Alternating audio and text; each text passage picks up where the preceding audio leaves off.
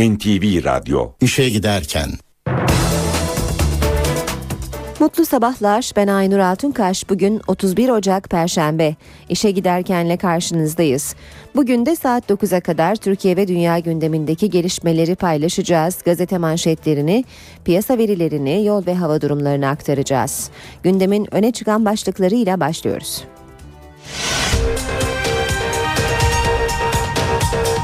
Başbakan Erdoğan askerlerin uzun tutukluluk süreleri konusunu yeniden gündeme getirdi. Bedelli askerlik uygulamasında ikinci taksidi yatıramayan ve hiç başvuru yapmayanlara yeni bir şans verildi.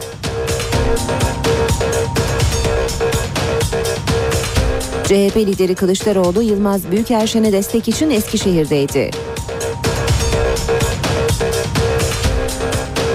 Başbakanın anayasa çalışmalarının süresini Mart sonu olarak belirlemesine muhalefetten tepki geldi.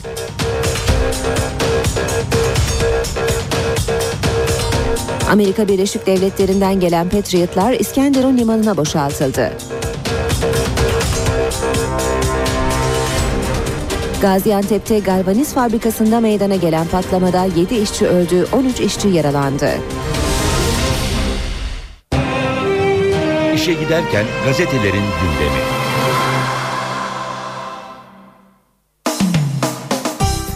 Basın özetlerine Hürriyet gazetesiyle başlıyoruz. İsrail jetleri Şam'ı vurdu diyor Hürriyet manşette. İsrail'den bölgedeki tüm dengeleri değiştirebilecek hamle. Savaş uçakları Suriye'ye girerek başkent Şam yakınlarında bir askeri tesisi bombaladı. İsrail hükümeti gün boyu sessiz kalırken akşam Suriye ordusu şu iddialarla e, açıklama yaptı. İsrail uçakları Jamraya'daki askeri tesisi bombaladı. Saldırı teröristlerin tesisi ele geçirme girişiminin başarısız olmasının ardından gerçekleşti. Orta Doğu'daki gerginliği zirveye taşıyan harekatın ardından gözler İran'a çevrildi. Hürriyetten yine bir başlık son randevu Taylan'la. İstanbul'da kaybolan Amerikalı turist Sarai Sierra ile ilgili kritik bilgi FBI'dan geldi. Sierra'nın kaybolmadan bir gün önce Gmail'den Taylan adlı kişiyle randevulaştığı belirlendi. Devam ediyoruz yine basın özetlerine Milliyet Gazetesi ile ikinci dönemin şifreleri Amerika Birleşik Devletleri'nde yeni dönemine hazırlanan Obama yönetimi Erdoğan'ı doğal partner olarak görüyor. Suriye için adım atmaya niyetleri yok. CHP'den de ümidi kesmişler.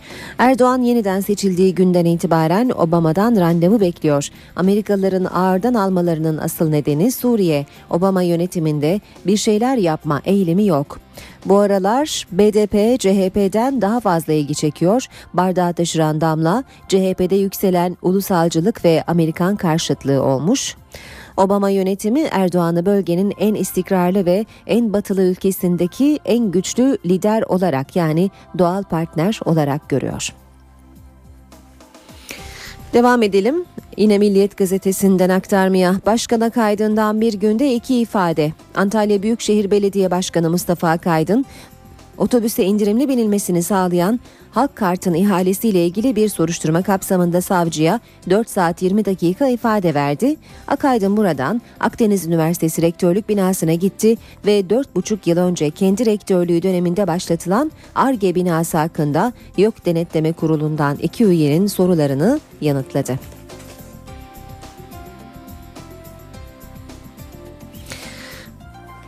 Oyun bozdum, hedef oldum. Eski İçişleri Bakanı Şahin görevden ayrılması hakkında İdris Naim Şahin birilerinin oyununu bozmuştur, o nedenle hedef alınmıştır dedi. Şahin Devlet Bahçeli'nin yürekli insan sözleri içinde doğruları biri söylerse ne diyelim yorumunu yaptı.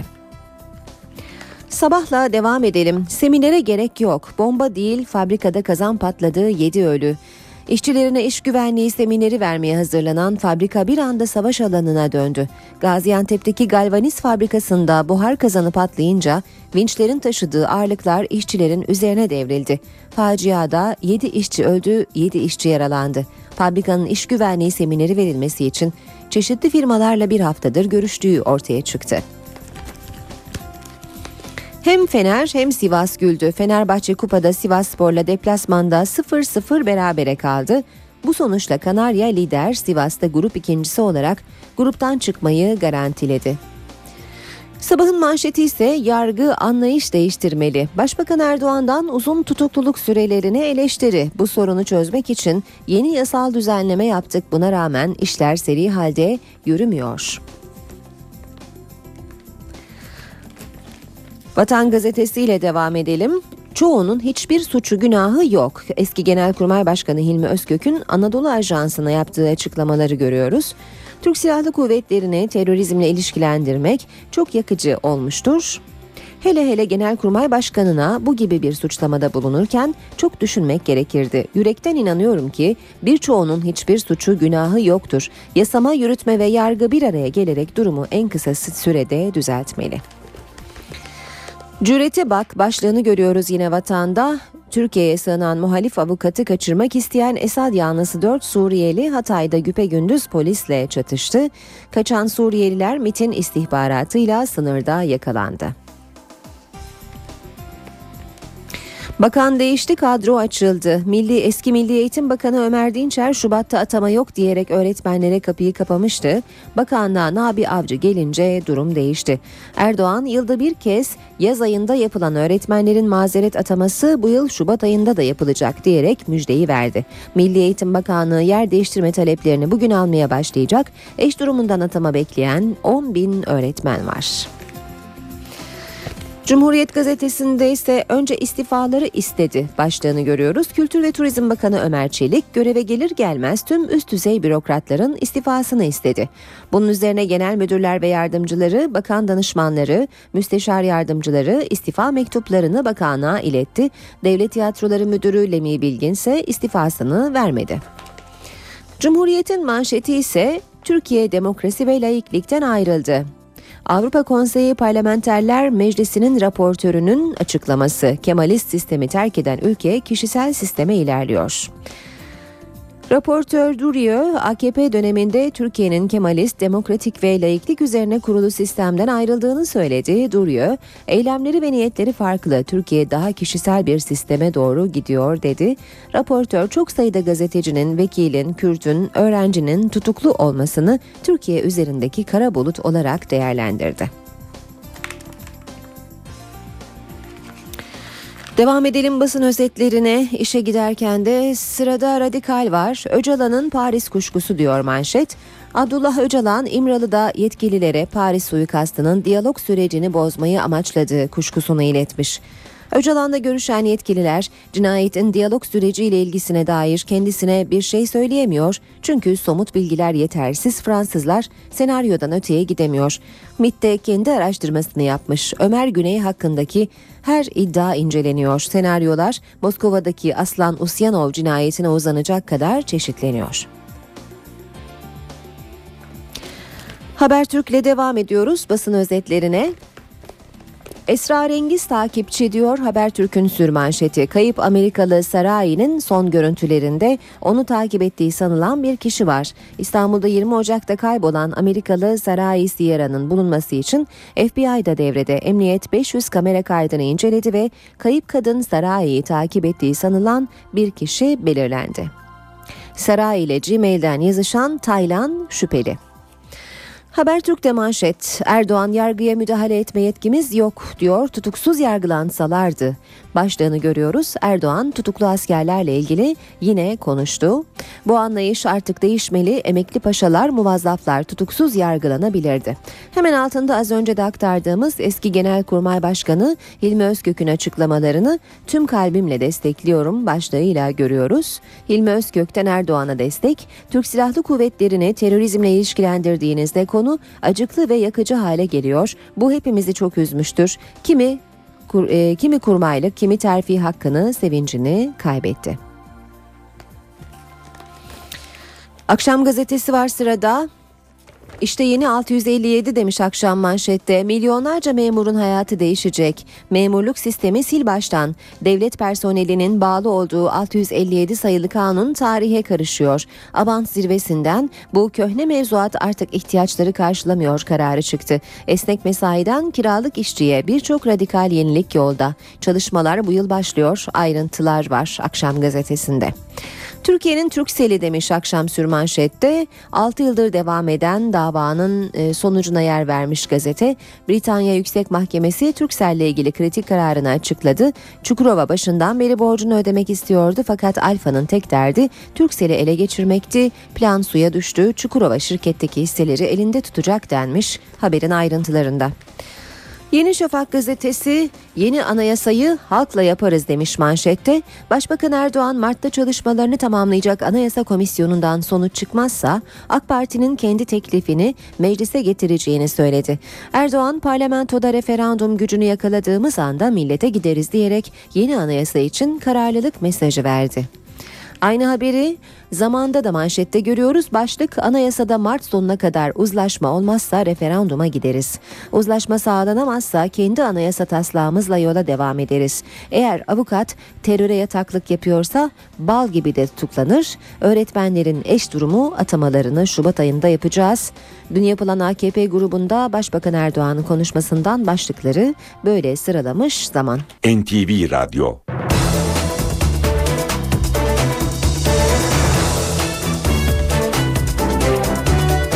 İşe giderken de birlikteyiz saat 7.15 gündemin ayrıntılarına bakıyoruz.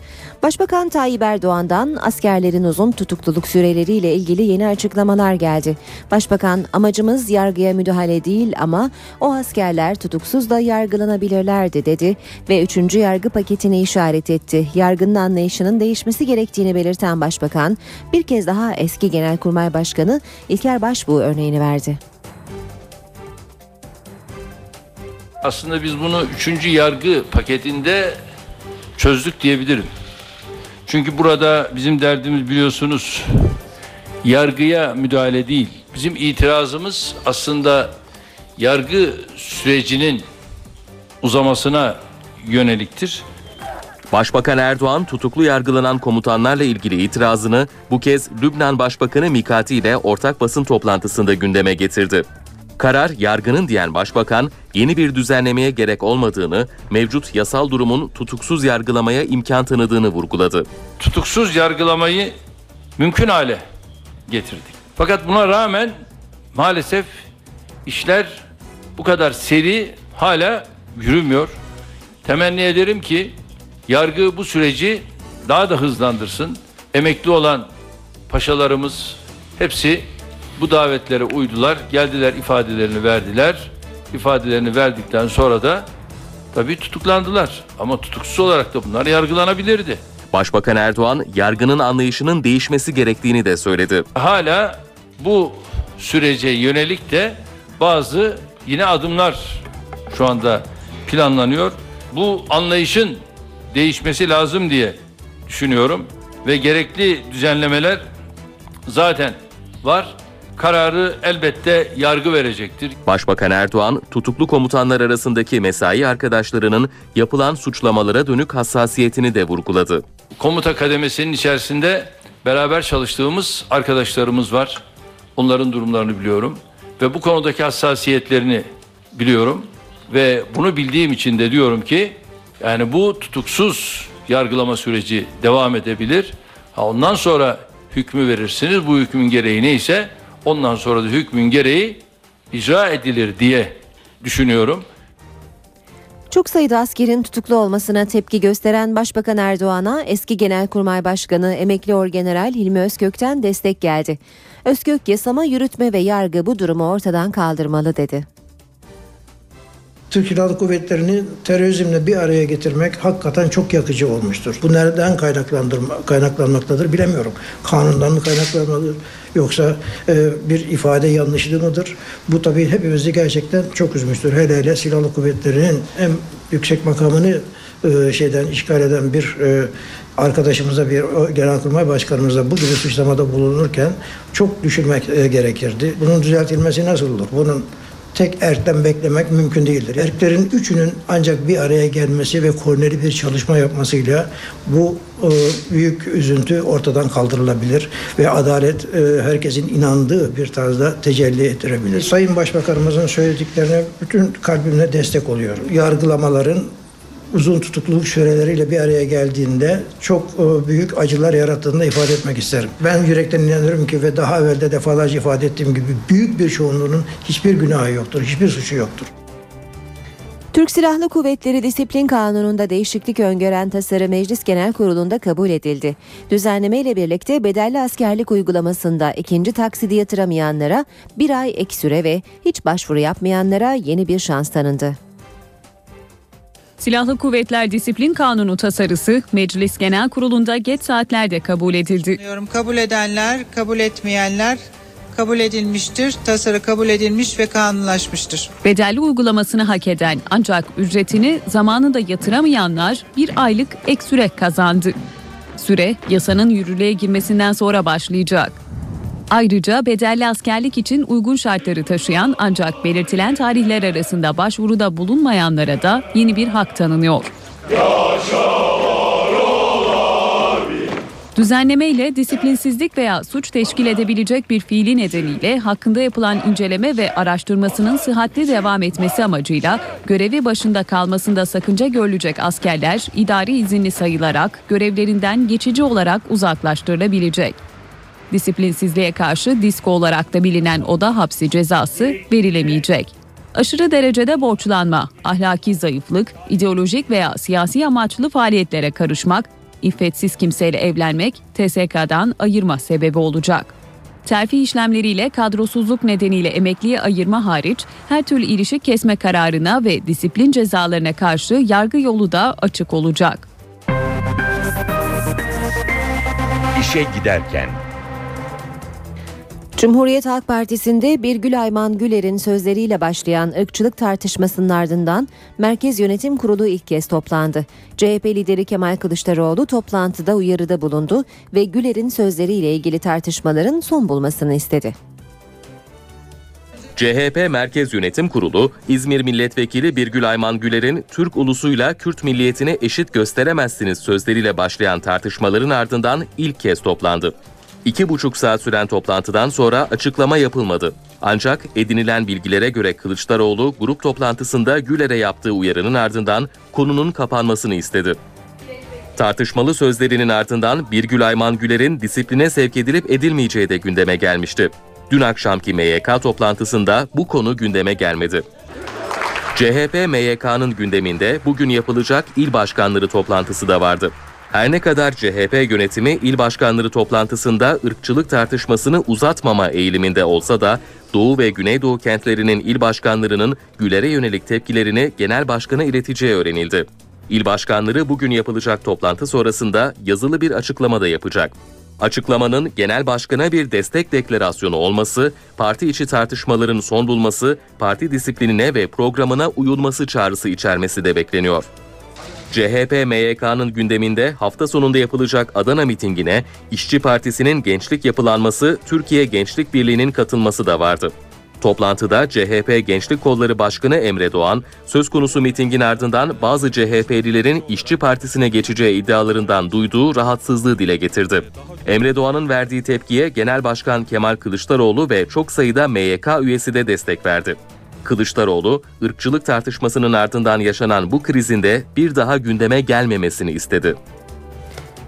CHP'li Birgül Ayman Güler'in Türk ulusuyla Kürt milliyeti eşit değil sözlerine Başbakan Erdoğan dünkü grup toplantısında tepki gösterdi. CHP'nin insanları kafatasına göre ayırmaya tabi tutmaya başladığını öne süren Erdoğan, MHP ve BDP'nin de benzer özellikler gösterdiğinden söz etti. Güya profesör, güya bilim insanı. İnsanları kafa taslarına göre ayrımcılığa tabi tutmaya başladı. Ya siz dün neyseniz bugün de aynısınız. Başbakan Recep Tayyip Erdoğan grup toplantısında ırkçılık tartışmalarını değerlendirdi. Hem Birgül Ayman Güler'e hem de CHP'ye yüklendi. Cumhuriyet Halk Partisi milliyetçi midir? Ulusalcı mıdır? İlkeleri, sınırları belli olmayan bir koalisyon mudur? Açıkçası bizim de milletimizin de bunu bilmeye hakkı olduğunu düşünüyorum. Başbakan kendisini Hitler'e benzeten Kılıçdaroğlu'na siyasi tarihten örneklerle yanıt verdi. 21 Haziran 1941 tarihli Cumhuriyet Gazetesi. Manşet. Buyurun. Milli şefimizle Führer arasında samimi tebrikler diyor. Halep oradaysa Arşın Türkiye Büyük Millet Meclisi AK Parti grup salonunda. Ve DHKPC operasyonunda gözaltına alınan avukatlar. Başbakan Kılıçdaroğlu'nun bu konudaki eleştirilerine yanıt verdi. Avukatlara müdahale edilemez. Hadi canım sen. Nasıl edilemez? Eğer bunlar teröre yataklık yapıyorsa, teröre yandaşlık yapıyorsa bal gibi de edilir. Nerede şu Ergenekon gidip üye olacağım diyordu. Şimdi de inanın çıkar kısa bir süre sonra nerede bu DHKPC gidip üye olacağım der mi der. Kabinedeki değişiklik de başbakanın gündemindeydi. MHP lideri Devlet Bahçeli'nin İçişleri Bakanı değişimine gösterdiği tepkiyi değerlendirdi. Biz hangi arkadaşımızı nereye nasıl getireceğimizi gayet iyi biliriz. Bizim birliğimizi, beraberliğimizi bozmaya senin gücün yetmez. Sen kendine bak. Önce bu. Başbakan Erdoğan'ın yeni anayasanın hazırlanması için Mart ayı sonuna kadar verdiği süre uzlaşma komisyonundaki muhalefet temsilcilerinin tepkisine yol açtı. CHP'li Atilla Kart başbakanın açıklamalarını sürecin sabote edilmesi olarak nitelerken BDP'li Altan Tan bu mutabakatı bozmaktır diye konuştu. Temennimiz odur ki Mart sonuna kadar bu iş neticelenir, bu iş biter. Bitmemesi halinde AK Parti'nin bu konudaki yapmış olduğu çalışma meclis gündemine taşınacaktır. Eğer biz parlamentoda beklediğimiz desteği aldığımız anda bunu gündeme getiririz. Referandum gücünü yakaladığımız anda da değerli arkadaşlarım biz millete gideriz. Başbakan Recep Tayyip Erdoğan yeni anayasa çalışmaları için takvim verdi. Mart ayının sonuna kadar tamamlanmasını istedi. Muhalefetin tepkisi gecikmedi. Türkiye Büyük Millet Meclisi adına görev yapan bir heyetin çalışmasına yürütme organının başının ömür biçmesi bu yanlışlığı öncelikle ifade etmek istiyorum. Başbakan her zamanki gibi yıktı perdeyi eyledi viran yine. Aslında Meclis Uzlaşma Komisyonu kısmi mutabakatın tutanaklara ne renk mürekkeple geçirileceği konusundaki tartışmayı sonlandırabilmek için Meclis Başkanı Cemil Çiçek'in başkanlığında toplanacaktı. Ancak Başbakanın açıklamaları komisyonun gündemini değiştirdi. CHP'li üye Atilla Kart, Başbakanın sözlerini süreci sabote etmek, BDP'li Altan Tansa mutabakatı bozmak olarak değerlendirdi. Başbakanın söylemlerini de ben bir taraftan bu rahatsızlığın tezahürü olarak görüyorum. Uzlaşma Komisyonu çalışmalarının sabote edilmesi, torpillenmesi niteliğinde görüyorum. Bugün de Başbakanın biz işte Mart sonuna kadar bakarız olmazsa kendi yolumuza devam ederiz demeleri bu mütabakatı bozmadır. Eğer masadan kalkmak istiyorsanız hiç beklemeyin Mart sonunu beklemeyin bugün kalkın. Yani bir buçuk iki aylık bir zaman zarfında bütün bu işlerin bitemeyeceğini, bitmeyeceğini herkes biliyor. Muhalefetin bu tepkisinin ardından komisyonun AK Partili üyesi Mustafa Şentop'tan da bir açıklama geldi. Şentop'un gündeminde ise CHP'li Atilla Kart'ın AK Parti'nin maddelerin altına partilerin karşı çıktığı başlıklarla ilgili not düşülmemesini istediği yönündeki açıklaması vardı. Şentop söz konusu iddianın hayal ürünü olduğunu söyledi. Haysiyet sahibi herkes bu iddialarını delillendirmek zorundadır dedi. Şentop konuyu bugün yapılacak uzlaşma komisyonu toplantısında da gündeme getireceğini belirtti. CHP yönetimi dün Eskişehir'deydi. Genel Başkan Kemal Kılıçdaroğlu ve 14 kişilik Merkez Yönetim Kurulu heyeti Başkan Yılmaz Büyükerşen'e destek için kente gitti. Kılıçdaroğlu bu operasyon Büyükerşen'in itibarını daha da yükseltmiştir dedi. CHP'lilerin Eskişehir'e geliş nedeni Büyükşehir Belediyesi'ne düzenlenen yolsuzluk operasyonu. Genel Başkan Kemal Kılıçdaroğlu ve CHP heyeti kent girişinde Başkan Yılmaz Büyükerşen tarafından karşılandı. Kılıçdaroğlu iddiaların hedefindeki Başkan Büyükerşen'i makamında ziyaret etti. Büyükerşen CHP liderine ihalede fesat iddialarıyla ilgili süreci anlattı. İki isim daha sonra parti otobüsünden halkı selamladı. yaşamı getiren partinin genel başkanı. Bu operasyon Eskişehir Büyükşehir Belediye Başkanı'nın itibarını yükseltmiştir. O alnı hak bir belediye başkanıdır. O bir üniversite hocasıdır. CHP lideri Büyükerşen'e destek verdi. Kendi belediye başkanınıza sahip çıkın. Korkmayacağız. Yılmayacağız. vereceğiz.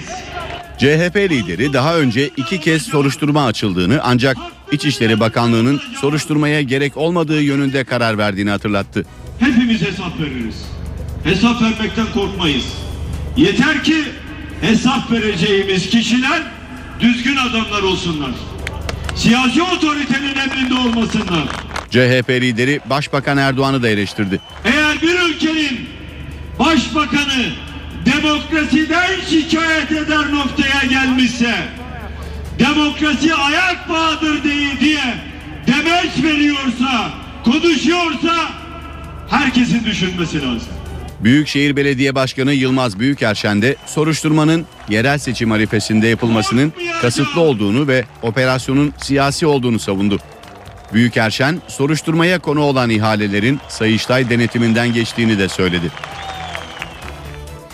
Birazdan ara vereceğiz. Önce İstanbul trafiğine kısaca göz atalım. Fatih Sultan Mehmet Köprüsü Anadolu Avrupa geçişi Ataşehir'de yoğunlaşıyor. Köprü girişine kadar etkili. Ters yönde trafik akıcı sadece etiler katılımıyla başlayan hafif bir yoğunluk var. Boğaziçi Köprüsü'nde Çamlıca itibarıyla yoğunluk var Avrupa yakasına geçişte.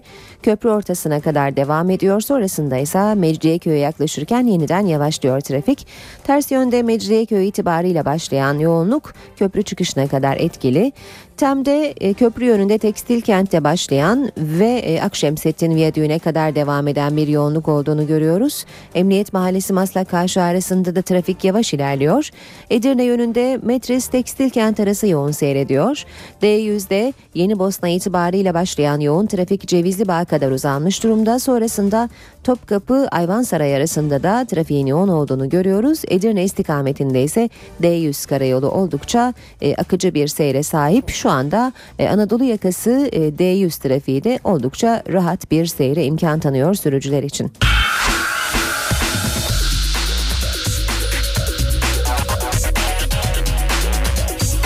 Spor sayfaları.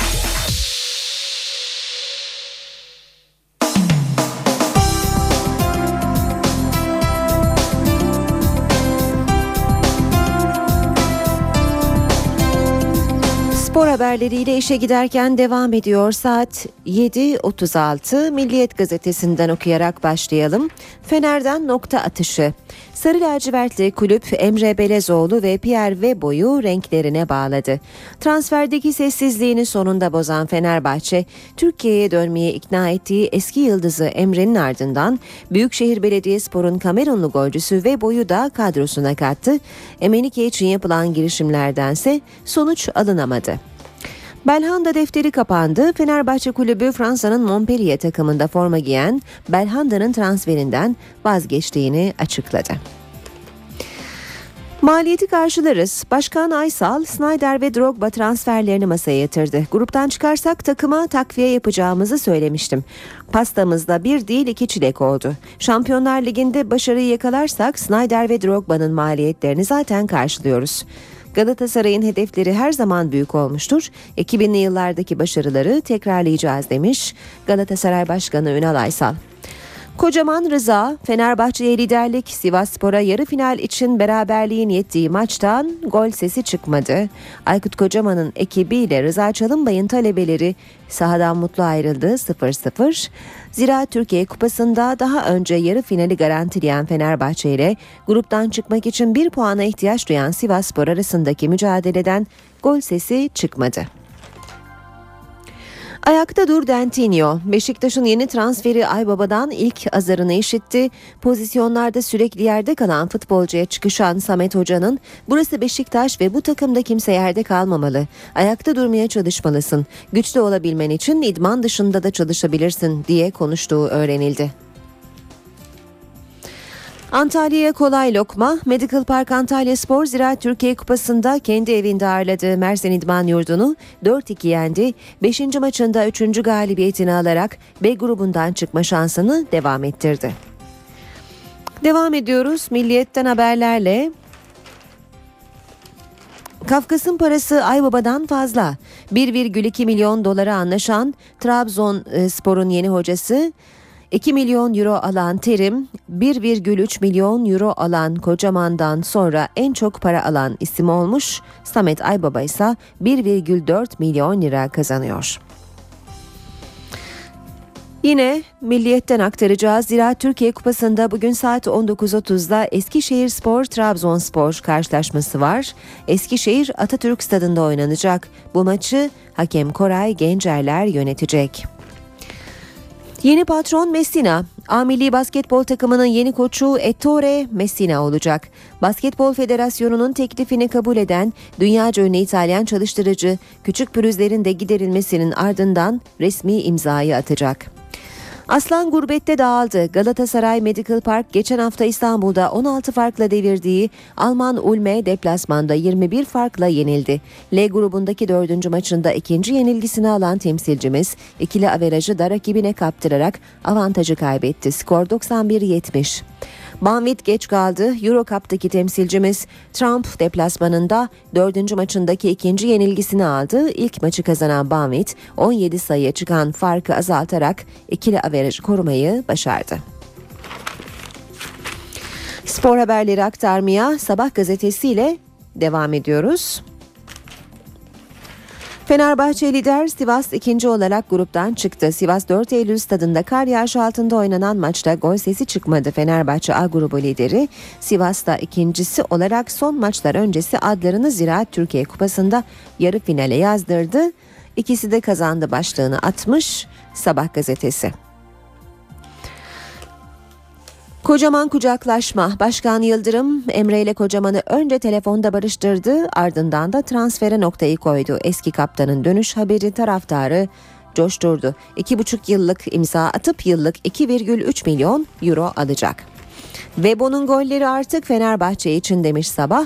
İstanbul Büyükşehir Belediye formasıyla Fenerbahçe'ye karşı 3 maçta 4 gol atan Kamerunlu Sarı Lacivertlilere 2,5 yıllık imza atacak. Belhanda defterinin kapandığını Sabah gazetesinde de okuyoruz. Fenerbahçe Kulübü bu e, transferden vazgeçtiğini resmi internet sitesinden de duyurdu. Uykusuz her gece Galatasaray yenilgisi sonrası Samet Aybaba'ya uyku haram oldu. İki gece hiç gözünü kırpmayan tecrübeli hoca derbinin muhasebesini yaptı. Tek forvet Drogba sistemi Snyder açıkladı. Snyder ve Drogba'nın gelişiyle yeni oyun planı merak konusu olan Galatasaray'ın dizilişini Hollandalı Yıldız açıkladı. Fatih Terim bana 4-2-3-1 oynayacağız dedi açıklamasını yapmış Snyder. Kaderi bugün çiziliyor. Profesyonel Futbol Disiplin Kurulu Beşiktaş derbisinde Oğuzhan'a tükürdüğü gerekçesiyle kızaran Melo'nun cezasını açıklıyor. Devam ediyoruz spor haberleri aktarmaya. Sabah gazetesinin ardından Hürriyet gazetesinin de sayfalarını çevirelim. Emre'yi kocaman istedi. Milli futbolcu Sarı Lacivertli teknik adamın kararıyla transfer e, ediliyor. Geçen sezon çok tartışılan Aykut Kocaman Emre Belezoğlu kavgası artık tamamen bitti. Kulüpten elini ayağını çekti denilen Ali Yıldırım bu transferde kilit rol oynayarak geri döndü. Fenerbahçe'deki sürpriz transferin iki önemli sonucu var demiş. Hürriyet gazetesi özetle. Fener'in aradığı golcü ve bu transferi sarı lacivertliler için nasıl olur? Hürriyet gazetesi yazarları Sarı Lacivertlerin anlaştığı Kamerunlu Yıldız'ın Forvet'te Sova destek verecek iyi bir transfer olduğu görüşünde birleşmişler. Mourinho'yu parada da geçecek. Guardiola Bayern Münih'ten yılda 17 milyon 500 bin euro alacak. Pep listede ilk sırada. Real Madrid'i çalıştıran Portekizli teknik adam Jose Mourinho yılda 15 milyon 300 bin euroyu cebine koyuyor. Ancak İspanyol teknik direktör senede en çok kazanan olacak. Dünyanın en önemli futbol dergilerinden 442 bu ayki edisyonunda dünyanın en çok kazanan 15 teknik adamına ilişkin bir liste yayımlamış. Listede Real Madrid'de bu sezon sorunlar yaşayan Jose Mourinho ilk sırada yer alıyor. Guardiola Bayern Münih'in çalıştırıcısı yılda 17 milyon 500 bin euro alacak habere göre. Devam ediyoruz spor haberleri aktarmaya yine Hürriyet gazetesinden bir haber daha okuyalım. Çinlilerin şok itirazına Galatasaray anında yanıt verdi.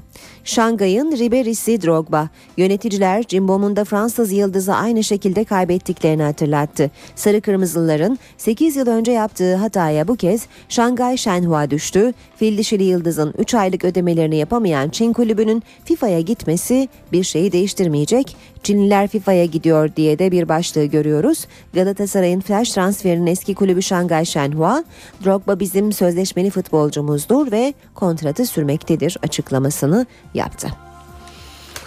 NTV Radyo'da işe giderken devam ediyor. Spor haberleri aktardık. Şimdi gündemde öne çıkan gelişmelere bakacağız bir kez daha.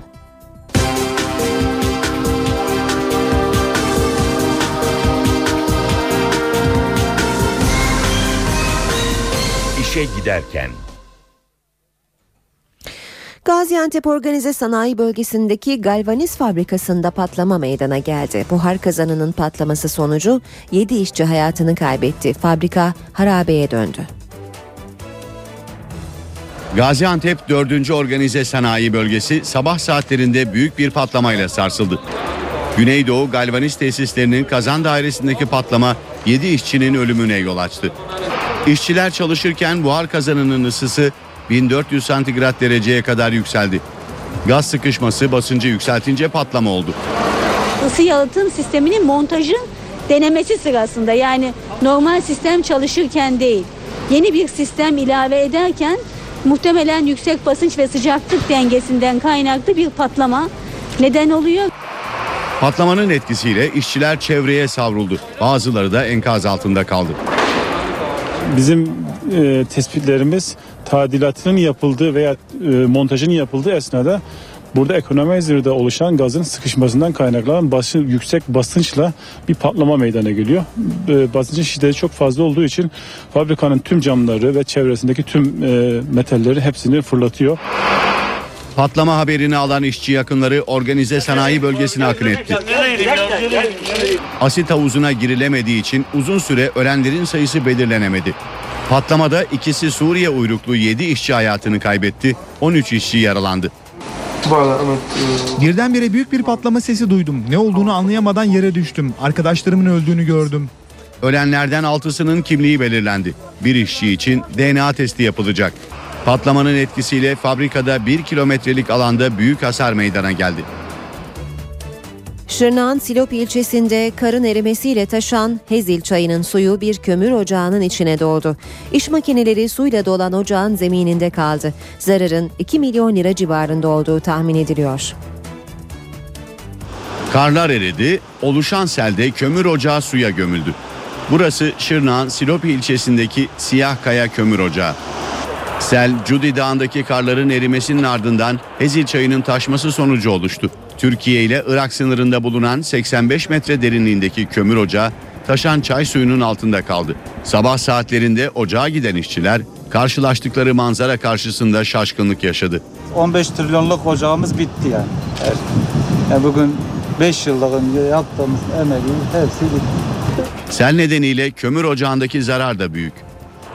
60 kişinin çalıştığı kömür ocağındaki selde ocağın zemininde bulunan trafo, dinamo, jeneratör ve elektrik malzemeleri de suya gömüldü. Tahmini olarak sadece içerisinde kalan malzememiz yaklaşık olarak 1,5-2 trilyon civarında.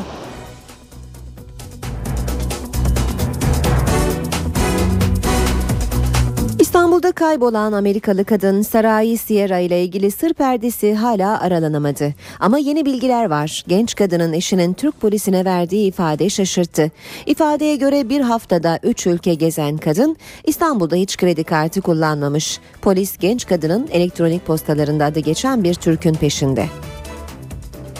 İstanbul'da kaybolan Amerikalı Saray Sierra olayını aydınlatabilmek için Taylan adında bir Türk aranıyor. Saray Sierra'nın eşinin İstanbul'a gelip ifade vermesinin ardından bilgiler netleşmeye başladı. Polis Saray Sierra'nın mail trafiğini inceledi. Polis ekipleri genç kadının Taylan adında bir Türk'le yazıştığını tespit etti. Maillerde Sierra'nın kaybolduğu gün 20 Ocak saat 11.33'te Taylan isimli kişiye Galata Köprüsü'ne gidiyorum gelmek ister misin yazıyor ve ben oraya geleceğim. Umarım internetin açık olur cevabını alıyor. Türkiye'ye geldikten sonra Hollanda ve Almanya'ya geçen ve sonra tekrar İstanbul'a dönen Sierra eşinin ifadesine göre ilk kez yurt dışına çıkmış. İstanbul'u bir fotoğraf cenneti olarak gören genç kadın ilk olarak bir iş arkadaşıyla Türkiye'ye gelmek istemiş ancak daha sonra arkadaşı vazgeçmiş. Ayrıca Saray Sierra İstanbul'da kaldığı sürece kredi kartı kullanmayıp yalnızca nakit harcama yapmış. 33 yaşındaki Saray Sierra iki çocuk annesi ve 14 yıldır evli. Psikoloji eğitimi alan genç kadın Amerika'da bir sağlık kurulunda çalışıyor. Almanya'dan 7 yıl önce sınır dışı edilen annenin kızına olan hasreti Başbakan Yardımcısı Bekir Bozdağ'ın girişimiyle son buldu. Bir Alman ailenin yanında büyüyen 19 yaşındaki genç kız Sakarya'ya getirilerek annesiyle buluşturuldu. Anne ve kızının buluşmasında duygusal anlar yaşandı. Almanya'dan Sakarya'ya uzanan kavuşma öyküsünün başlangıcı 2006 yılına dayanıyor. Elif Yaman 12 yaşındayken işsizliği gerekçe gösterilen annesinden alınarak Alman bir aileye verildi. Sınır dışı edilen anne Ayşe Yaman ise Türkiye'ye döndü. 18 yaşındayken koruyucu ailenin yanından ayrılarak yalnız yaşamaya başlayan Elif Yaman'ın annesine kavuşma çabası Başbakan Yardımcısı Bekir Bozdağ'a iletildi. Genç kız Başbakan Yardımcısının girişimiyle Düsseldorf'tan İstanbul'a uçtu. Bakanlık görevlileri tarafından karşılanan Yaman karayoluyla Sakarya'ya götürüldü. Hasret Sakarya'nın Erenler ilçesinde sona erdi. Anne ve kızı 7 yıl sonra tekrar kucaklaştı. Başbakan Yardımcısı Bozdağ'a teşekkür eden Elif Yaman, Türkçeyi tam konuşamadığı için yaşadıklarını Almanca anlattı. Kelimelerle ifade edilemeyecek duygular yaşıyorum. Annemin yaşadığına dair bilgi aldığım için çok memnun oldum. Çünkü önceden sürekli düşünüyordum. Acaba hayatta mıdır, değil midir, başına ne geldi diye. Yıllar sonra kızına kavuşan Ayşe Yaman heyecanlıydı. Kızımın dediklerine aynen katılıyorum. Ben de aynı duygular içindeyim. Yani size söyleyebileceğim. Anneye bundan sonrası için ne planladıkları da soruldu. Elif'in ne düşündüğünü bilemiyorum. Daha o anne geniş kapsamda bir konuşmadık. Ama ben e, şu etapta Türkiye'de kalmayı düşünüyorum. Anne ve kızının Başbakan Yardımcısı Bekir Bozdağ ziyaret etmeleri bekleniyor. Başbakan Tayyip Erdoğan'ın 3 çocuk çağrısına rağmen nüfus artış hızı düşüyor. Türkiye'de ilk defa yaş ortalaması 30'u geçti. Kalkınma Bakanı Cevdet Yılmaz teşvik unsurlarını tartışmalıyız dedi. Tartışmalar başladı. Peki uzmanlar teşvik uygulamasını nasıl değerlendiriyor? Vatandaş çocuk için para yardımına sıcak bakıyor mu? Ayrıntılar haberimizde. Türkiye'nin nüfus artış hızı azaldı. Çocuğa teşvik önerisi yeniden gündeme geldi. Türkiye İstatistik Kurumu'nun verilerine göre Türkiye'nin yaş ortalaması ilk kez 30'un üzerine çıktı. Kalkınma Bakanı Cevdet Yılmaz çocuk başına teşvik uygulamasının tartışılacağını söyledi. Avrupa'yı görüyorsunuz. Avrupa'da birçok ülke çok ciddi teşvikler sağlıyor. Yeni doğan çocuklar için nüfus artış hızını arttırmak için ciddi yoğun bir gayret içinde birçok ülke. Uzun vadede nereye gideceği bizim için çok önemli. Buna dönük yeni bir takım teşvik unsurlarını tartışmalıyız diye ifade ettim. Peki uzmanlar teşvik uygulamasını nasıl değerlendiriyor? İlle de bunu bir nüfus su düşen nüfusu tekrar e, tersine çevirmek istiyorsak yani yeniden bir artışa geçirmek istiyorsak e, üç, üçüncü çocuğa e, sadece üçüncü çocuğa e, esaslı miktarda bir para verilebilir. Üçüncü çocuğa asgari ücrete yakın bir yardım verilebilir. Ama siz her çocuğa yardım yapacağım dediğiniz zaman zaten bu çocuk başına yardım miktarı da çok düşmek zorunda. Aksi takdirde bütçe altından kalkamaz. Peki sokaktan nasıl sesler yükseliyor? Para yardımına sıcak bakan da var, teşvik için çocuk sahibi olman diyen de. 5 lira yardımla yani bir çocuk büyütülmez. Büyük bir insandan daha fazla masrafları var çünkü çocukların. Çocuk yapmak e, marifet değil de yani onu ileride büyüt büyüt ve bakmak yani sorun yani. Onu nasıl yapacağız yani? İnşallah dediklerini yaparlar. Ve para yardımı gerekli bir şey. Çünkü çocuk yetiştirmekte çok zorlanıyoruz. Çanak antenlerin oluşturduğu görüntü kirliliğini ortadan kaldırmak için Çevre ve Şehircilik Bakanlığı ile Radyo ve Televizyon Üst Kurulu harekete geçti. Yeni binalarda merkezi sistem kullanılacak, balkondaki uydu antenleri çatılara çıkarılacak. Uydu antenleriyle dolu balkonlar ya da binaların dış cepheleri. İşte bu görüntünün ortadan kalkması için Çevre ve Şehircilik Bakanlığı ve RİTÜK ortak bir çalışma yürütüyor. Bakanlık ve RİTÜK rahatsız edici görüntüleri ortadan kaldırmak için ortak bir komisyon kurdu.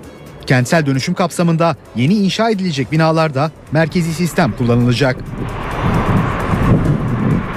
Ancak vatandaşa çanak antenleri kaldır demekle iş bitmeyecek. Çünkü binada kablolu yayın yoksa daire sakininin çanak antenden başka şansı yok. Kimsenin görüntü alma hakkı engellenmeyecek ama balkondaki uydu antenleri çatılara çıkartılacak. Radyo Televizyon Üst Kurulu uygulamanın teknik yönleriyle ilgili çalışmalara başladı. Amaç 2014 yılında uygulamayı hayata geçirmek. NTV Radyo Herkese yeniden günaydın. Ben Aynur Altunkaş. İşe giderken de az sonra hava durumuna bakacağız. Önce gündemin başlıklarını hatırlayalım.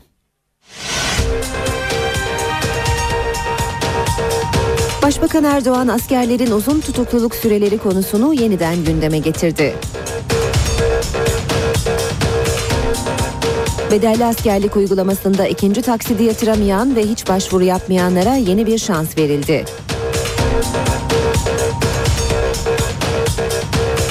CHP lideri Kılıçdaroğlu Yılmaz Büyükerşen'e destek için Eskişehir'deydi. Başbakanın anayasa çalışmalarının süresini Mart sonu olarak belirlemesine muhalefetten tepki geldi.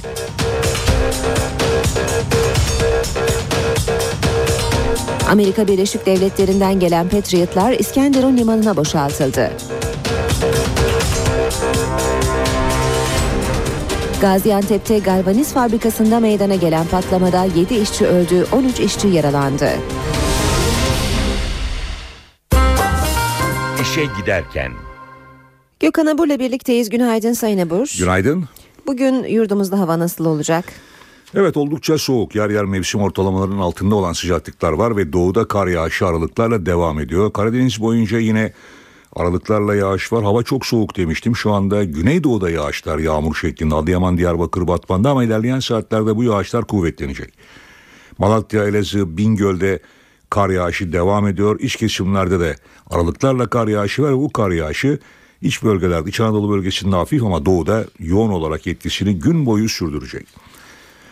Hemen batıya geçmek istiyorum çünkü kıyı Ege ve Batı Akdeniz'e bugün için yağış beklemiyoruz ama ilerleyen saatlerde Trakya'daki bulutlanmanın artacağı ve şu anda Balkanlarda bulunan daha soğuk ve yağışlı havanın ilerleyen saatlerde e, Kırklareli ve Edirne'ye etkisi altına almasını bekliyoruz. Dolayısıyla orada artacak bulutlanma ve soğuk havayla bu yağışlar bölgede kar ve karla karışık yağmur şeklinde olacak ve İstanbul'un Avrupa yakasında e, başlayacak olan yağışın gece saatlerinde tüm İstanbul'u etkisi altına alıp hatta Marmara'nın tümünü etkilemesini bekliyoruz. Yağışlar tabii ki Trakya'da kar şeklinde ama İstanbul'un yükseklerinde yine gece saatlerinde karla karışık yağmur hatta yer yer hafif kar şeklinde olabilir. Yarın sabah yağış giderek etkisini kaybedecek. E, cumartesi günü Akdeniz ve batıda sıcaklıklar biraz yükseliyor. Kuzeyde ise özellikle kuzey ve doğudaki sıcaklıkların daha da azalmasını bekliyoruz. Dolayısıyla hafif de olsa bölgede yağış var. O yağışlar kar şeklinde etkisini sürdürecek ki Karadeniz'in kıyı kesimlerinde özellikle Doğu Karadeniz'deki yağışların da cumartesi günü kar şeklinde olmasını bekliyoruz. Pazar günü lodos giderek kuvvetleniyor ve kuvvetli lodos özellikle Ege'de fırtına boyutlarına çıkacak. Marmara'da da lodosun kuvvetli es- esmesini bekliyoruz. Lodos sıcaklıkları yalnız kıyılarda değil iç kesimlerde de pazar günü arttıracak ve hemen peşinden de tabii ki yağış gelecek. Özellikle bu yağışlar pazar gecesi önce Trakya'da başlayacak. Pazartesi gününde yer yer sağanaklar şeklinde ve yağmur şeklinde Marmara bölgesini etkisi altına alacak. Evet hafta sonu hafta sonu daha ılık bir hafta sonu batıda yaşayanları bekliyor. Özellikle pazar günü yağışın da olmaması batıda e, sanki bahar havasını anımsatacakmış gibi gözüküyor şu an itibariyle. Hı hı. Ama önümüzdeki hafta tekrar rüzgarın kuzeye dönmesiyle haftanın ikinci yarısı sıcaklıklar azalacak. Peki teşekkür ediyoruz. Gökhan Abur bizimleydi.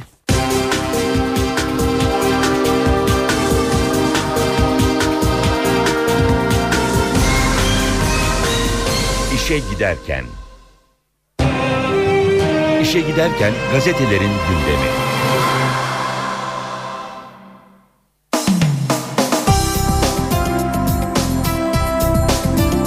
Hürriyet gazetesiyle başlıyor basın özetleri. İsrail jetleri Şam'ı vurdu demiş Hürriyet manşette.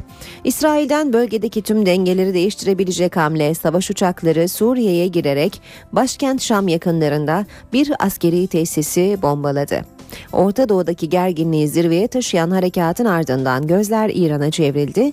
İran'ın dini lideri Hamaney'in danışmanı Ali Ekber Velayeti 26 Ocak'ta yaptığı açıklamada Suriye'ye yapılacak bir saldırıyı kendi topraklarına yapılmış sayacaklarını duyurarak Esad yönetimine ilk kez bu kadar açık destek vermişti. Son randevu Taylan'la İstanbul'da kaybolan Amerikalı turist Sarai Sierra ile ilgili kritik bilgi FBI'dan geldi. Sierra'nın kaybolmadan bir gün önce Gmail'den Taylan adlı kişiyle randevulaştığı belirlendi. Polis Beyoğlu'nda topladığı kamera görüntülerinde Sarai Sierra'yı takip eden bir kişiyi de arıyor. Rus ailesi Sibirya'da bulundu. Antalya'da Gülsüm Ana'nın Umut adını verdiği ve 5 yıldır evladı gibi baktığı felçli Rus gencin ailesi bulundu. Antalya'da geçirdiği kaza sonrası hafızasını da kaybeden gencin adı Pavel Kuklin. 27 yaşında evli, bir çocuk babası ve Sibirya'nın Kapilova köyünden. Ailesi Gülsüm Ana ile ilgili Rusya'da yayınlanan program sayesinde bulundu. Annesi Tatyana DNA testi için Türkiye'ye gelebileceğini söylüyor. Sabah gazetesiyle devam edelim. Yargı anlayış değiştirmeli diyor manşet. Başbakan Erdoğan'dan uzun tutukluluk sürelerine eleştiri. Bu sorunu çözmek için yeni yasal düzenleme yaptık. Buna rağmen işler seri halde yürümüyor. Hemen altında eski Genelkurmay Başkanı emekli Orgeneral Hilmi Özkök'ün açıklamalarını görüyoruz. Özkök'ten acil çözüm çağrısı başlığıyla Erdoğan'ın tutuklu askerlerle ilgili sözlerine Özkök'ten destek bir an önce adalet yerini bulmalı. Başbakanımızı tüm kalbimle destekliyorum diyen Özkök, konu acıklı ve yakıcı hale geldi. Özellikle genç subayların iddia edildiği gibi hiç bu işe karışmamış olanların bile uzun sürelerle tutuklu kalması onlara birçok hakkını kaybettirdi demiş. Seminere gerek yok. İşçilerine iş güvenliği semineri vermeye hazırlanan fabrika bir anda savaş alanına döndü. Gaziantep'teki galvaniz fabrikasında buhar kazanı patlayınca vinçlerin taşıdığı ağırlıklar işçilerin üzerine devrildi.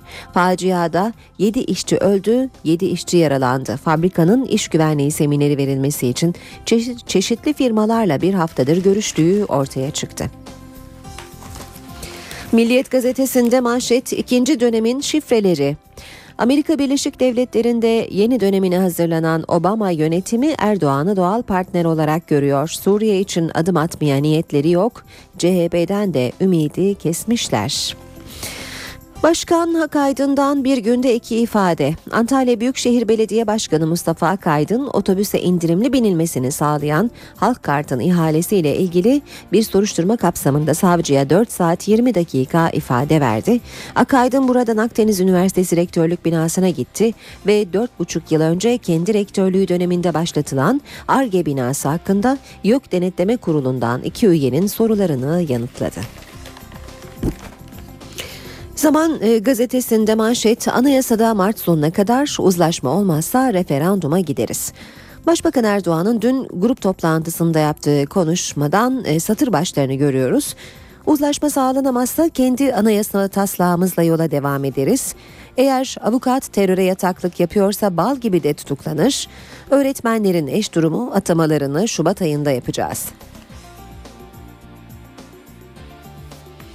Yeni Şafak'ta da manşet yeni anayasayı halkla yaparız. Başbakan Erdoğan Mart'ta çalışmalarını tamamlayacak anayasa komisyonundan sonuç çıkmazsa AK Parti'nin kendi teklifini meclise getireceğini söyledi. Erdoğan parlamentoda referandum gücünü yakaladığımız anda millete gideriz diyerek yeni anayasa için kararlılık mesajı verdi. Akşamda Manşet işte yeni 657 milyonlarca memurun hayatı değişecek. Memurluk sistemi sil baştan devlet personelinin bağlı olduğu 657 sayılı kanun tarihe karışıyor. Abant zirvesinden bu köhne mevzuat artık ihtiyaçları karşılamıyor kararı çıktı. Esnek mesaiden kiralık işçiye birçok radikal yenilik yolda çalışmalar bu yıl başlıyor. Habertürk gazetesiyle devam ediyoruz. İsrail Suriye'yi yorumsuz vurdu demiş sürmanşette Habertürk. İsrail jetleri Suriye'yi vurdu iddiasına Şam'dan akşam evet açıklaması geldi. Devam edelim yine Habertürk'ten aktarmaya. Tutuksuz yargılansalardı diyor manşeti Habertürk'ün. Erdoğan tutuklu askerlerle ilgili yine konuştu. Bu anlayış artık değişmeli. Emekli paşalar, muvazzaflar tutuksuz yargılanabilirdi derken eski Genelkurmay e, Kurmay Başkanı Hilmi Özkök'ün başbakanı destekler açıklamasını da görüyoruz. Tüm kalbimle destekliyorum başlığıyla. Cumhuriyet gazetesi Türkiye demokrasi ve laiklikten ayrıldı demiş manşette. Avrupa Konseyi Parlamenterler Meclisi raportörü Durio'nun sözleri başlıkta Kemalist sistemi terk eden ülke kişisel sisteme ilerliyor. Duruyor, AKP döneminde Türkiye'nin Kemalist, demokratik ve laiklik üzerine kurulu sistemden ayrıldığını söyledi. Duruyor, eylemleri ve niyetleri farklı. Türkiye daha kişisel bir sisteme doğru gidiyor dedi. Raportör çok sayıda gazetecinin, vekilin, Kürt'ün, öğrencinin tutuklu olmasını Türkiye üzerindeki kara bulut olarak değerlendirdi. Bir diğer başlık önce istifaları istedi. Kültür ve Turizm Bakanı Ömer Çelik göreve gelir gelmez tüm üst düzey bürokratların istifasını istedi. Bunun üzerine genel müdürler ve yardımcıları, bakan danışmanları, müsteşar yardımcıları istifa mektuplarını bakanlığa iletti. Devlet Tiyatroları Müdürü Lemi Bilgin ise istifasını vermedi. Radikal'de manşet Öcalan'ın Paris kuşkusu. Abdullah Öcalan İmralı'da yetkililere Paris suikastının diyalog sürecini bozmayı amaçladığı kuşkusunu iletmiş. Öcalan'la görüşen yetkililer cinayetin diyalog süreciyle ilgisine dair kendisine bir şey söyleyemiyor çünkü somut bilgiler yetersiz. Fransızlar senaryodan öteye gidemiyor. MIT de kendi araştırmasını yapmış. Ömer Güney hakkındaki her iddia inceleniyor. Senaryolar Moskova'daki Aslan Usyanov cinayetine uzanacak kadar çeşitleniyor. Vatanla bitiriyoruz basın özetlerini. Cürete bak. Türkiye'ye sığınan muhalif avukatı kaçırmak isteyen Esad yanlısı 4 Suriyeli Hatay'da güpe gündüz polisle çatıştı. Kaçan Suriyeliler MIT'in istihbaratıyla sınırda yakalandı. Ve özür dileriz evine dön başlığını görüyoruz. 8 ay sonra Fenerbahçe'ye dönen Emre Belözoğlu transferinin perde arkası demiş Vatan. Fenerbahçe Başkanı Aziz Yıldırım telefon açtı. Sana haksızlık ettik özür dileriz. Fenerbahçe'de futbolu bırakmak istiyordum bırakmak istiyordun işte fırsat eve dön dedi Emre evet dedi. Basın özetlerini böylece bitiriyoruz. İşe giderken devam edecek kısa bir aramız olacak. Ara vermeden önce İstanbul trafiğindeki son duruma bir kez daha bakalım. E, saat 8.12 bu dakikalar itibarıyla Boğaziçi Köprüsü ve Fatih Sultan Mehmet Köprüsü'nde yoğunlaşmalar olduğunu görüyoruz rutin olarak ama e, D100 Cevizli Bağ yan yol Topkapı istikametinde bir araç arızası var bunu duyuralım önce.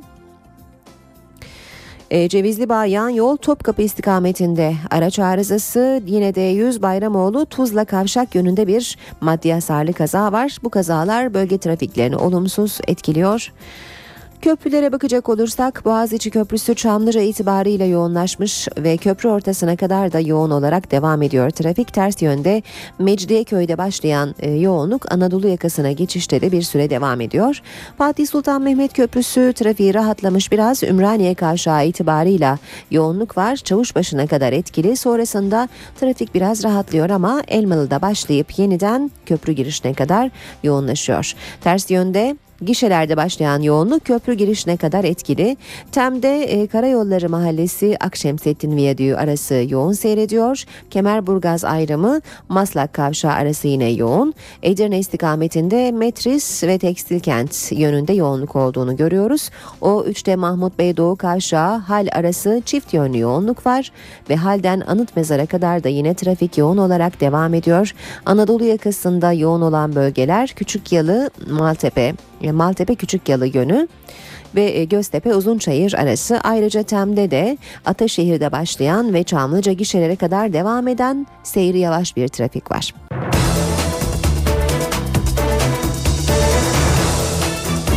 Saat 8.16 NTV Radyo'da işe giderken gündemin ayrıntılarıyla devam ediyor.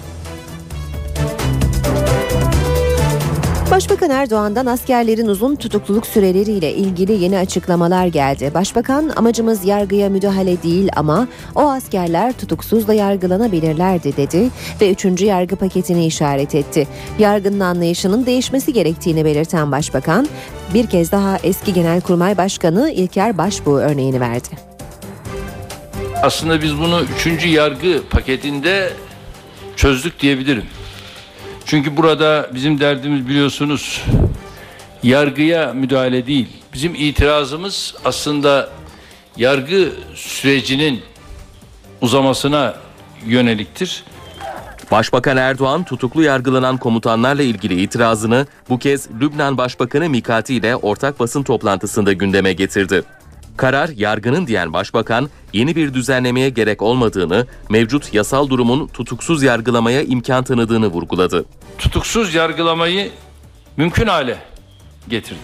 Fakat buna rağmen maalesef işler bu kadar seri hala yürümüyor.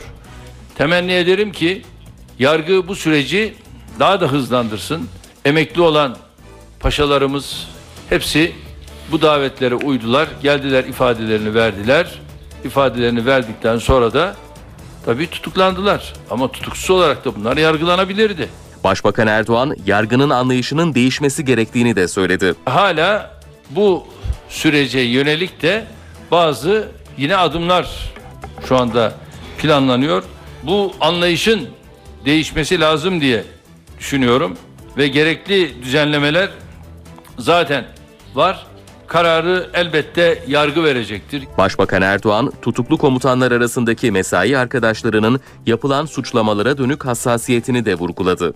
Komuta kademesinin içerisinde beraber çalıştığımız arkadaşlarımız var. Onların durumlarını biliyorum ve bu konudaki hassasiyetlerini biliyorum ve bunu bildiğim için de diyorum ki yani bu tutuksuz yargılama süreci devam edebilir.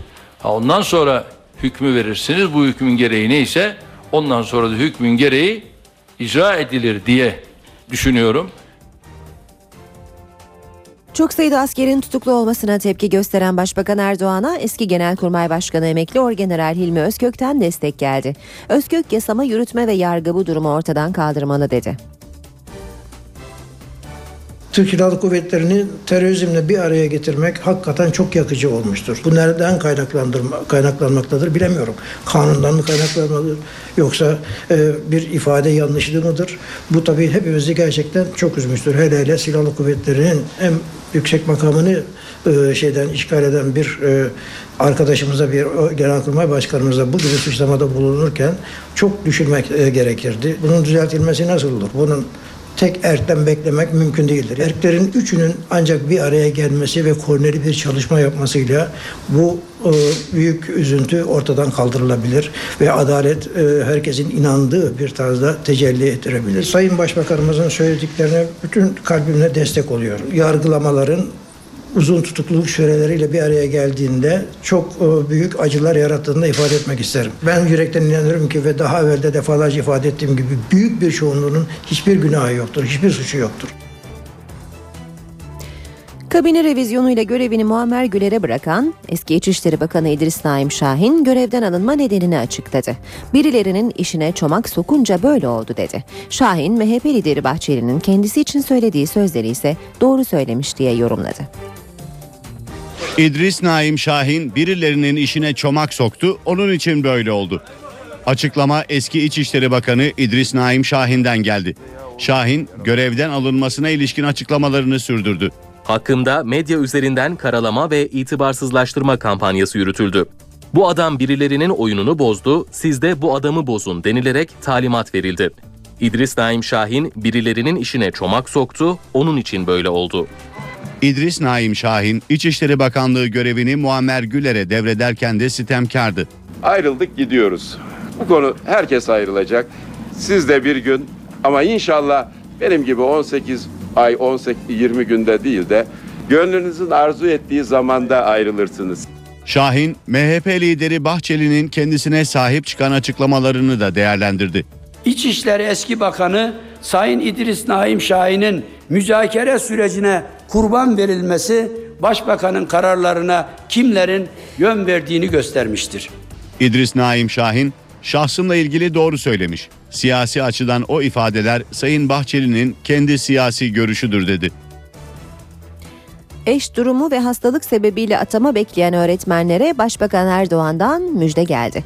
Başbakan dünkü grup toplantısında öğretmen atamalarının Şubat ayında yapılacağını söyledi. Milli Eğitim Bakanlığı da taleplerin alınmasına bugün başlanacağını ve 6 Şubat'a kadar süreceğini açıkladı.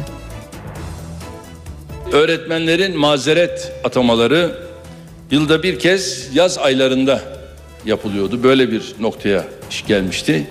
Biz bu yıl Şubat ayında da başta sağlık ve eş durumu olmak üzere öğretmenlerin mazeret atamalarını gerçekleştireceğiz. Eş durumundan atama bekleyen öğretmenlere müjde Başbakan Recep Tayyip Erdoğan'dan geldi. Erdoğan atamaların Şubat ayında gerçekleştirileceğini açıkladı. Bu konuyla ilgili Milli Eğitim Bakanımıza da verdiğimiz bir talimatla süratle bu işi artık çözelim dedik. Başbakanın açıklamalarından saatler sonra Milli Eğitim Bakanlığı konunun detaylarını açıkladı. Özür durumundan yer değişiklikleri için başvuruların 31 Ocak 6 Şubat tarihleri arasında iki aşamada ve elektronik ortamda alınacağını duyurdu.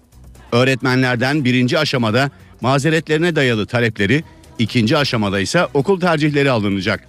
İlk kez atanacak binlerce öğretmenin bekleyişi ise sürüyor.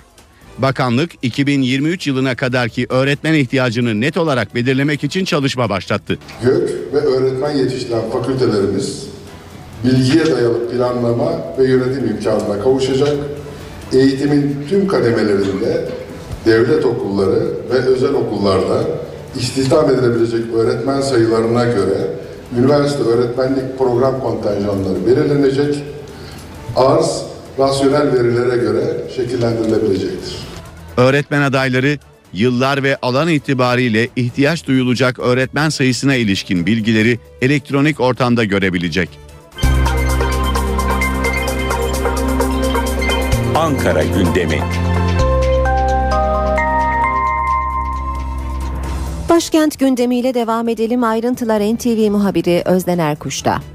Bugün Perşembe haftalık olağan görüşme günü işte bu kapsamda Cumhurbaşkanı Abdullah Gül bugün Başbakan Erdoğan, Genelkurmay Başkanı Orgeneral Necdet Özel ve MİT Müsteşarı Hakan Fidan'la bir araya gelecek. Bu üç görüşmede ana gündem maddelerinin terörle mücadele, İmralı süreci, Suriye'de yaşanan iç karışıklıklar ve Türkiye'nin bu iç karışıklıklara aldığı, kendi topraklarında aldığı önlemler olacağını tahmin ediyoruz. Bugün Cumhurbaşkanı Abdullah Gül'ün tek programı olağan görüşmeler değil. Ayrıca Yüksek Seçim Kurulu Başkanı Sadi Güven'le de bir görüşmesi olacak. Bunun dışında Cumhurbaşkanı Abdullah Gül kabinenin yeni üyelerinden Sağlık Bakanı Mehmet Müezzinoğlu ile de yine Çankaya Köşkü'nde bir araya gelecek. Bugün 81 ilin valisi başkent Ankara'da toplanacak ve devletin zirvesiyle bir araya gelecek. Yoğun bir program var demiştik Cumhurbaşkanı Abdullah Gül'ün. Bu programa ek olarak 81 ilin valileriyle de bir araya gelecek. Yine Başbakan Erdoğan'la valiler bir arada olacak ama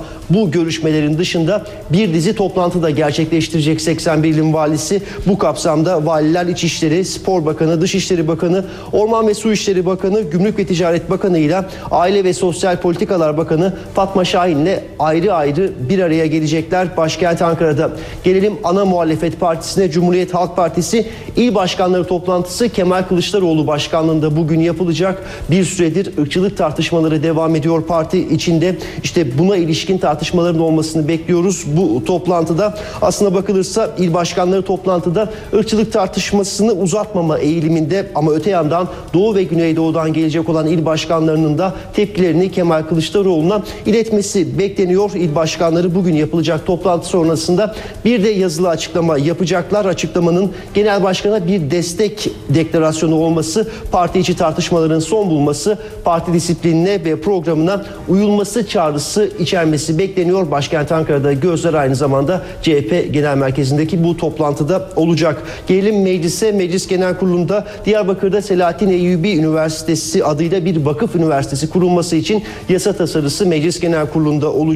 İnsan Hakları Komisyonu bünyesinde kurulan Terör Olaylarını Araştırma Komisyonu'nun raporuna ilişkin detaylar birkaç günden bu yana tartışılıyor. Bu rapor bugün alt komisyonunda gündeminde olacak ve başkent Ankara'dan son not TÜİK'e ilişkin ama TÜİK'in bugün açıklayacağı bir veri yok. Aslına bakılırsa geçtiğimiz ay iki kez TÜİK bazı verileri açıklaması gereken saatten yarım saat önce açıklamıştı. İşte bu erken açıklamaya ilişkin gerekçelerin bu erken açıklamanın neden gerçekleştiğine ilişkin bir açıklamanın TÜİK Başkanı tarafından yapılmasını bekliyoruz. Bugün başkent Ankara'nın yoğun gündeminde öne çıkan başlıklar bu şekilde. İşe giderken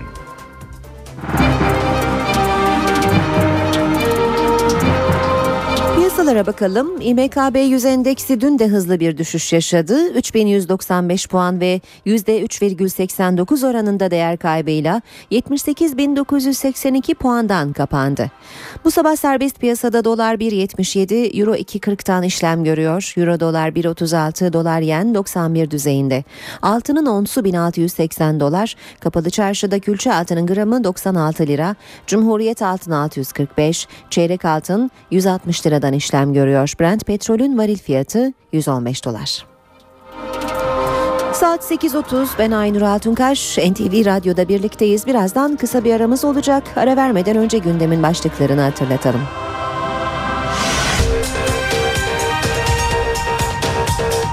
Başbakan Erdoğan askerlerin uzun tutukluluk süreleri konusunu yeniden gündeme getirdi. Bedelli askerlik uygulamasında ikinci taksidi yatıramayan ve hiç başvuru yapmayanlara yeni bir şans verildi.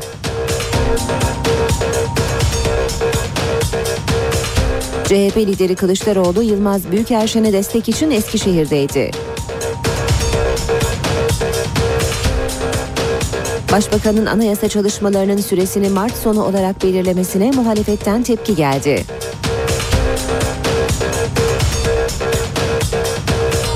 Amerika Birleşik Devletleri'nden gelen Patriotlar İskenderun limanına boşaltıldı. Gaziantep'te galvaniz fabrikasında meydana gelen patlamada 7 işçi öldü, 13 işçi yaralandı.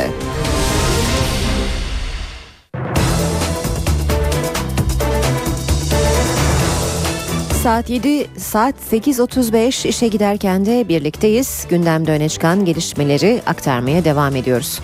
Türkiye'nin NATO'dan talep ettiği Patriot hava savunma sistemi için Amerika Birleşik Devletleri'nden gelen gemi de İskenderun'da yükünü boşalttı. Patriotlar karayoluyla Gaziantep'e götürülecek.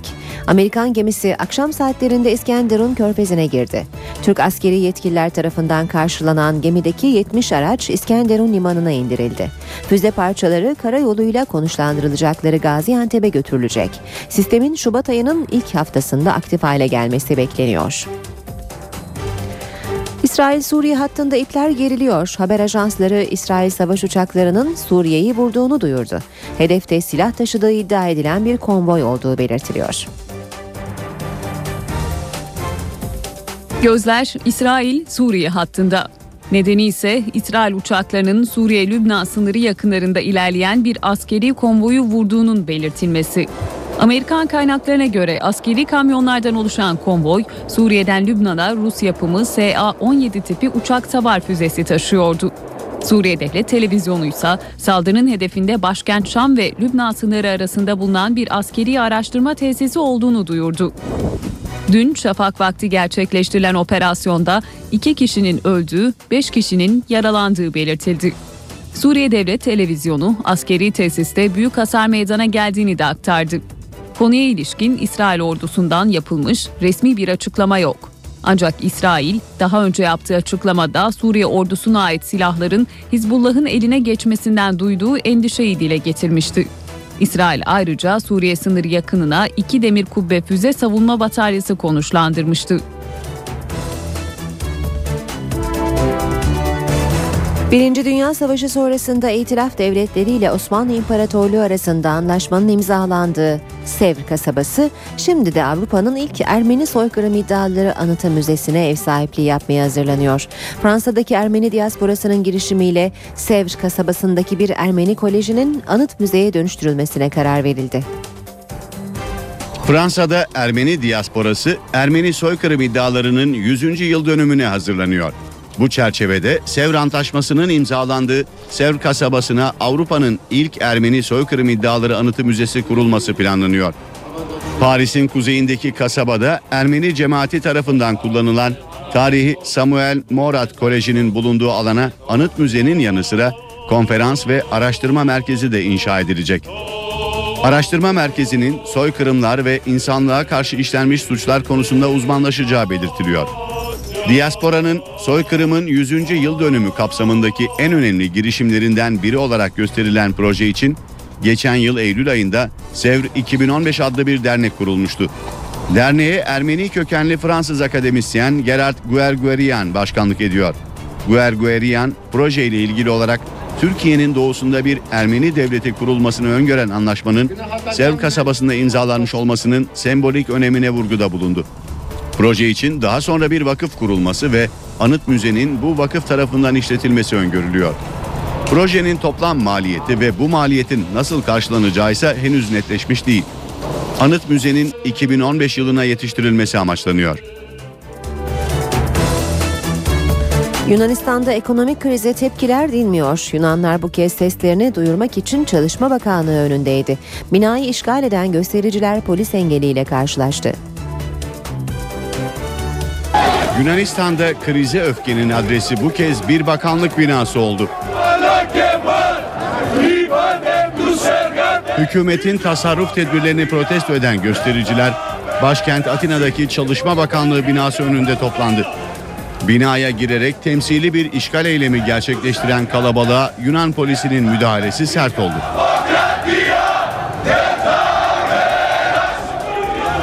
Polis çoğunluğunu Sosyalist Parti üyelerinin oluşturduğu göstericileri copla dağıtmaya çalıştı.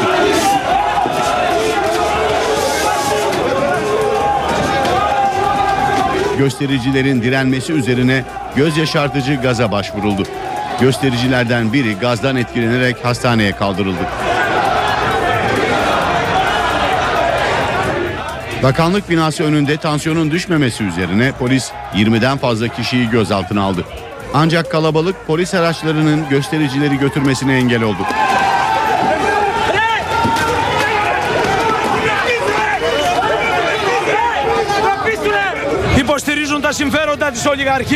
Bunun adı terör. İşçileri gözaltına alıyor, öğrencileri, çiftçileri dövüyorlar. Bizi öldürmek istiyorlar. Ülkedeki rejimin haline baksanıza. Ekonomik krizle boğuşan Yunanistan'da hükümet geçen yılın sonunda emekli ve memur maaşlarında kesinti öngören bir planı yürürlüğe sokmuştu. Yunanların tepkisine neden olan kesintiler başta Atina olmak üzere çok sayıda kentte grev ve gösterilere neden olmuştu. Amerikan Senatosu silah satışına kısıtlama getirmek üzere harekete geçti. Konuyu gündemine alan Senato'nun sürpriz bir konuğu vardı. Bundan iki yıl önce silahlı saldırıda ağır yaralanan eski kongre üyesi Gabriel Giffords. 20 çocuğun öldüğü okul saldırısının ardından Amerika Birleşik Devletleri'nde en çok tartışılan konulardan biri bireysel silahlanma. Konu Senato'nun da gündemine taşındı. Amerikan Senatosu'nun Adalet Komitesi ülkedeki silah kullanımı ve silahlı saldırılarla ilgili ilk oturumunu gerçekleştirdi. Oturuma sürpriz bir isim. Kendisi de bir silahlı saldırı kurbanı olan eski kongre üyesi Gabriel Giffords da katıldı. Bundan iki yıl önce silahlı bir saldırıda başından yaralanan ve uzun bir süre tedavi gören Giffords oturumda söz aldı. Speaking is difficult. Bu bizim çocuklarımız, bizim toplumumuz için önemli bir görüşme. Konuşmakta güçlük çekiyorum ama söyleyeceklerim önemli. Şiddet büyük bir sorun. Şiddet yüzünden çok sayıda çocuk ölüyor. Bir şeyler yapmamız gerekiyor. Zor ama yapmamız gerekiyor. Thank you. Saldırının izlerini hala taşıdığını söyleyen Giffords, kongre üyelerini sorumlu davranmaya çağırdı. Connecticut'ta bir okula düzenlenen saldırıda 20'si çocuk 26 kişi yaşamını yitirmişti. Saldırı ülkede silah satışına yönelik kısıtlamaların fazlalaşması yönünde baskıların artırılmasına neden olmuştu. Amerikan Başkanı Barack Obama yarı otomatik askeri silahların satışına yasak getirilmesini istemişti. Soluduğunuz hava için para öder miydiniz? Dünyada havası en kirli şehirlerden biri olan Pekin'de yaşayanlar artık ödüyor. Çinli bir girişimci kutulanmış temiz hava satmaya başladı. Temiz havayı kutulayıp satıyor. Çinli milyoner Chen Guangjibiao dünyanın havası en kirli şehirlerinden olan Pekin'de temiz hava satmaya başladı. Çin'in dağlık bölgelerinde kutulanarak Pekin'e getirilen temiz hava yarım dolara alıcı buluyor. Çinli milyoner böyle bir ürünü piyasaya sürmekteki amacının kar etmek değil bir mesaj göndermek olduğunu söylüyor. Bu temiz havayı satarak insanlara çevreyi temiz tutmanın ne kadar önemli olduğunu göstermek istedim. Elbette bu abartılı bir fikir. Ama eğer bugün doğayı korumak için adım atmazsak bundan 10 yıl sonra insanlar gaz maskeleriyle dolaşıyor olacak. Çinli girişimci Eylül ayından bu yana satışta olan üründen elde edilen geliri bir çevre derneğine bağışlamayı planlıyor. 21 milyon nüfusu Pekin, dünyada hava kirliliğinin en fazla olduğu şehirlerden biri. Uzmanlar sürekli bir sis bulutuyla kaplı olan kentteki havanın insan sağlığı için tehdit oluşturan bir boyuta ulaştığını söylüyor.